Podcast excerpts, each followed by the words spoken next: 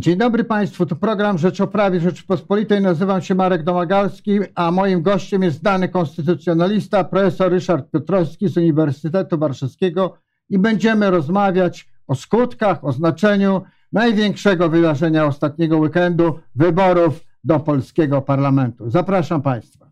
Dzień dobry Panie Profesorze. Dzień dobry Panu, dzień dobry Państwu. Mimo, że już październik, połowa października, mieliśmy piękną pogodę. E, Większość z nas to wskazują e, wyniki frekwencji wyszła na miasto, przynajmniej do lokalu wyborczego. Atmosfera wręcz, bo miałem okazję obserwować, piknikowa. I to wydaje mi się udzieliło się nawet samej, samemu temu, temu, y, nie wiem jak to nazwać, przedsięwzięciu czy czynności, czy może jakoś, jakoś bardziej eleganckie trzeba by słowo znaleźć, głosowaniu. Pan też takie odniósł, panie profesorze, wrażenie? Tak, dobra pogoda e, nastraja optymistycznie i to ciepło, e, które można było obserwować, światło, piękne kolory, e, to wszystko skłania do otwartości i do podejmowania decyzji opartych na akceptacji rzeczywistości. A jak już o tym zaczęliśmy, bo pan jest, zaprosiłem pana oczywiście jako prawnika, ale prawo, y, prawdziwe prawo musi twardo e, e, czy rzeczowo e, stąpać po ziemi i prawnik musi mieć oczy otwarte też na te wszystkie okoliczności, jak tutaj pogodę. Czy na decyzję taka pogoda może też wpływać, wyborcze? To trudno powiedzieć, y, ale wydaje się, że dobra pogoda nastraja optymistycznie i uwalnia od obaw, od strachu, od pesymizmu.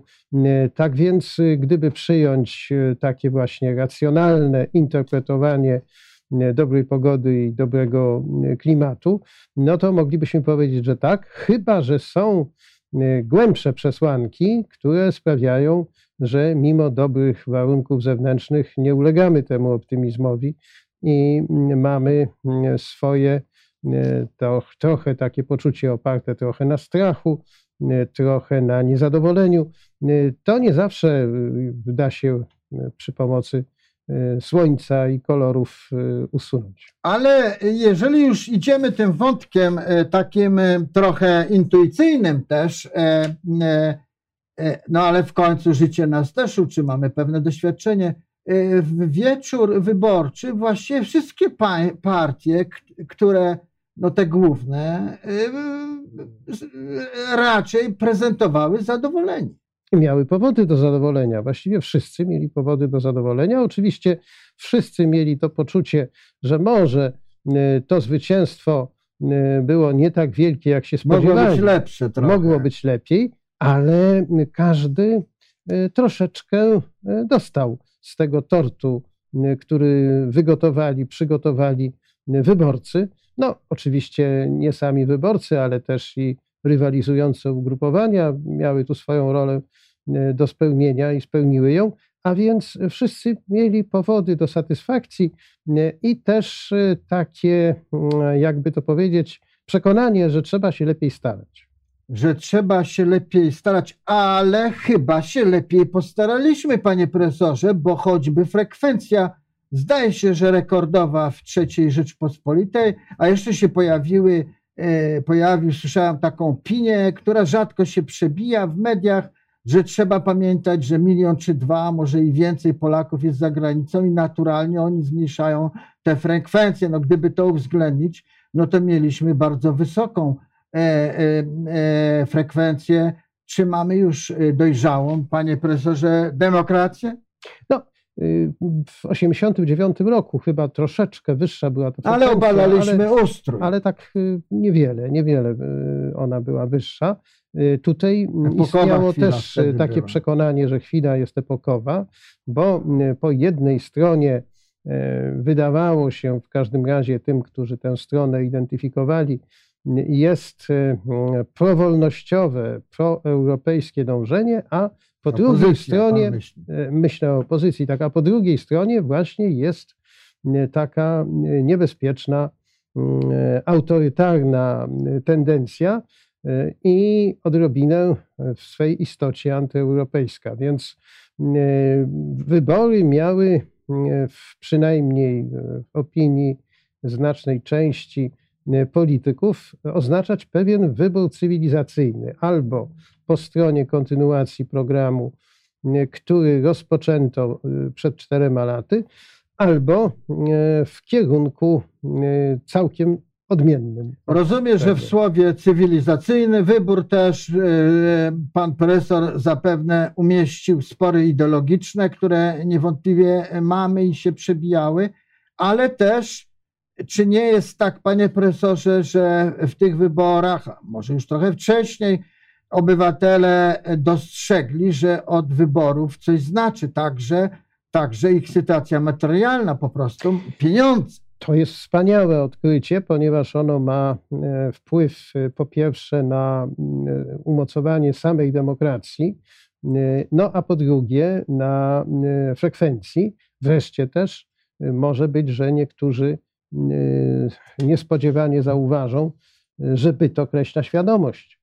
To tak trochę po marksistowsku brzmi. Tak to wygląda, że transfery socjalne i profitenci transferów socjalnych mieli tutaj swoje znaczenie. No, tę świadomość można też kształtować, można ją urabiać nie tylko przy pomocy transferów socjalnych, ale na przykład odwołując się do uczuć patriotycznych, odwołując się do tradycji narodowej, odwołując się jednym słowem do wartości e, godnych szacunku i uznania. Więc z jednej strony E, społeczeństwo e, dostrzegło, że jeśli ktoś zabiega o jego względy i słucha jego głosu, e, i dotrzymuje słowa. I dotrzymuje słowa, to jest wart poparcia, niezależnie od tego, czy respektuje reguły konstytucyjne, czy szanuje zasadę demokratycznego państwa prawnego, czy też jej nie szanuje.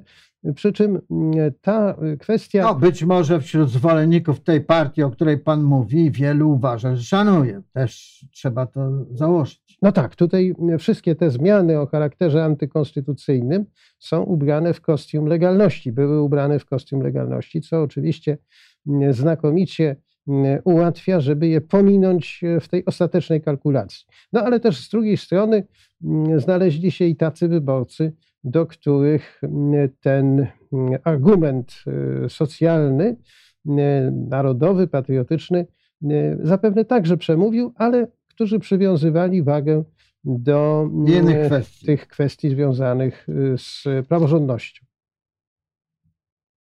Niektórzy obserwatorzy mówią, że PiS mógł uzyskać lepszy wynik, więcej głosów, E, sam prezes w wieczornym przemówieniu, kiedy wyniki były chyba trochę niższe od, od tych, które będą e, za chwilę, za parę godzin najpóźniej opublikowane, mówił o tym, że trzeba przemyśleć ten fakt. Jaką siłę e, sprawczą, panie profesorze, w pana ocenie ma obecnie Prawo i Sprawiedliwość? Większą niż cztery lata temu, czy mniejszą?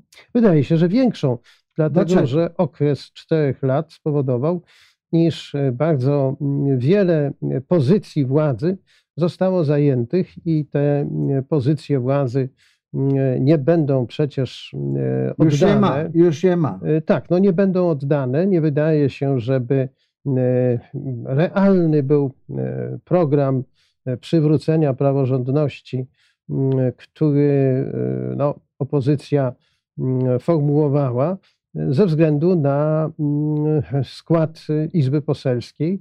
I mm, to jest bardzo, powiedziałbym, istotny argument przemawiający na rzecz tej tezy, którą Pan zechciał y, tutaj przytoczyć, że mianowicie PiS jest w takim poczuciu, że można mieć więcej. Być może to poczucie, że można mieć więcej, właśnie z tego wynika. No, wszystko też zależy od poczynań, które będą realizowane w nowej kadencji. A jak pan sądzi, panie profesorze, e, jakie programy PiS, e, jakim programom PiS nada priorytet na podstawie tego, co mówił, no i na podstawie tych armat, które teraz zdobył? No, wydaje się, że w pierwszej jakby linii tego działania powyborczego byłyby sprawy związane z sądownictwem. Tutaj podkreślano potrzebę kontynuowania reformy sądownictwa. No i powtórę, należy się spodziewać, że trzeba będzie coś zrobić z deficytem socjalnym, jeśli chodzi o służbę zdrowia, z takim poczuciem, że to jest bardzo pilny temat. No, pilnym tematem jest także sytuacja w szkolnictwie średnim. Tutaj myślę, że jeśli rzeczywiście ugrupowanie rządzące ma na uwadze kolejną kadencję, no to. Mówi pan o trzeciej. Tak, to nie będzie, a przecież takie są ostatecznie założenia, to pewnie będzie się wsłuchiwało w głosy obywateli. Tu mamy taką sytuację, że jest ten podział, prawda? Podział bardzo wyraźny. I podział między kim a kim? Między zwolennikami a przeciwnikami PiSu. I ten podział mniej więcej tak po połowie to się rozkłada. Ta, takie zróżnicowanie to w, w społeczeństwie, wśród wyborców. I to sprawia. Jest i reszta. Właśnie, i to sprawia, że e, zwolennicy PiSu e, są skłonni, e, nie, ta polaryzacja, prawda, powoduje, że zwolennicy PiSu są skłonni przyjąć, że najważniejsze jest nasi górą. I jeśli nawet mamy pretensje, czy ktoś ma pretensje do nas, to ważne jest to, że trzeba te pozycje utrzymać. No ale tu jest pewne niebezpieczeństwo, ponieważ jeśli bierze się pod uwagę pretensje dotyczące praworządności, nierówności traktowania e, obywateli ze względu na to, kto jest nasz, kto nie jest nasz, jeśli bierzemy pod uwagę naruszanie konstytucji, no to można powiedzieć, w ramach tego mm, hasła nasi górą akceptujemy to, bo nas to nie boli. Natomiast jeśli e, chodzi o takie sprawy właśnie jak służba zdrowia, czy e, sytuacja no, materialna obywateli, to tutaj nie ma żartów, dlatego że tu nie da się powiedzieć, no nasi górą, chociaż nie możemy się dostać do lekarzy. Trzeba poprawiać albo płacić. Panie profesorze, porozmawiamy o tej reszcie, padło to słowo, czyli opozycji. Eee, wróciło SLD, weszła konfederacja, nie jestem politologiem, ale rozumiem, bo nie chcę użyć słowa skrajna prawica, ale prawicowa organizacja pod, pod, pod pewnymi względami bardziej radykalna od PiSu. PSL chyba też po doświadczeniach i przejściach już nie tak e, sztywno przy PO, a może i sama PO się zmieni albo zmieniła a od opozycji też wiele zależy, jak będą wyglądać rządy, czy będzie im pomagać, czy będzie ich zwalczać twardo, na przykład ulica i zagranica. Jak pan ocenia właśnie tę drugą stronę Sejmu, tę mniejszą stronę, jak wszystko wskazuje, bo jeszcze oficjalnych wyroków w pełni nie mamy. E, czy tam e, PiS, e, czyli partia rządząca, jak wszystko wskazuje, znajdzie jakichś sojuszników, będzie miał łatwiej się z nimi porozumieć, będzie miał z nimi lżej? Ja nie jestem politologiem, ale wydaje się, że to zależy przede wszystkim od y, konkretnych projektów. I zapewne w niektórych kwestiach y, to porozumienie y, no, będzie możliwe, na przykład w sprawach socjalnych, społecznych, a w niektórych kwestiach będzie bardzo trudne, jeśli chodzi o problemy związane z tak zwanym systemowym naruszeniem praworządności, czy ze stosunkiem do zaleceń Trybunału Sprawiedliwości Unii Europejskiej. Tutaj w pewnym momencie staniemy wobec wyboru tak albo tak. I to jest zagadnienie, no, w którym zapewne częściowo będzie można znaleźć sojuszników po tej stronie opozycyjnej, a częściowo e, to będzie zupełnie wykluczone. Nie wiemy też, jakie skutki wywrze powiedzmy pierwszy rok pracy nowego Sejmu na spoistość i strukturę samej opozycji. E, Tutaj, no i wynik wyborczy. No właśnie, tutaj mogą być rozmaite wydarzenia jeszcze w związku z tym, że czekają nas wybory prezydenckie i konsekwencje tych wyborów prezydenckich mogą być dla ugrupowań opozycyjnych bardzo istotne, częściowo destrukcyjne nawet, więc to jest wszystko jeszcze przed nami. Wspomniał Pan, e, wybiegałem, miałem zadać właśnie pytanie o wybory prezydenckie, bo one będą mniej więcej w maju, czyli już, już zostało trochę może więcej niż pół roku, no trochę więcej, ale, ale nawet nie cały rok. PiS, jak wszystko wskazuje, nie dostanie większości, którą e, mógłby obalać weto prezydenckie. Zresztą z tego co pamiętam, nigdy nie, nie próbował obalać weto e, prezydenta Dudy. Inna rzecz, że było ich mało ale sądzi pan, a może po prostu zapytam, panie profesorze, czy fakt zbliżających się wyborów, co oczywiście prezydenckich w programie PiSu jest jakby kolejnym, no nie powiem, że ostatnim, ale w tej serii ostatnim etapem, wpływać będzie e, na zachowanie rządu? Czy będzie się z tego powodu, czy to miarkował, czy więcej dosypywał pieniędzy, bo chyba będzie prezydenta Dudę, swego kandydata na tamtą kadencję jak wszystko wskazuje na następną, wspierał. Z pewnością tak.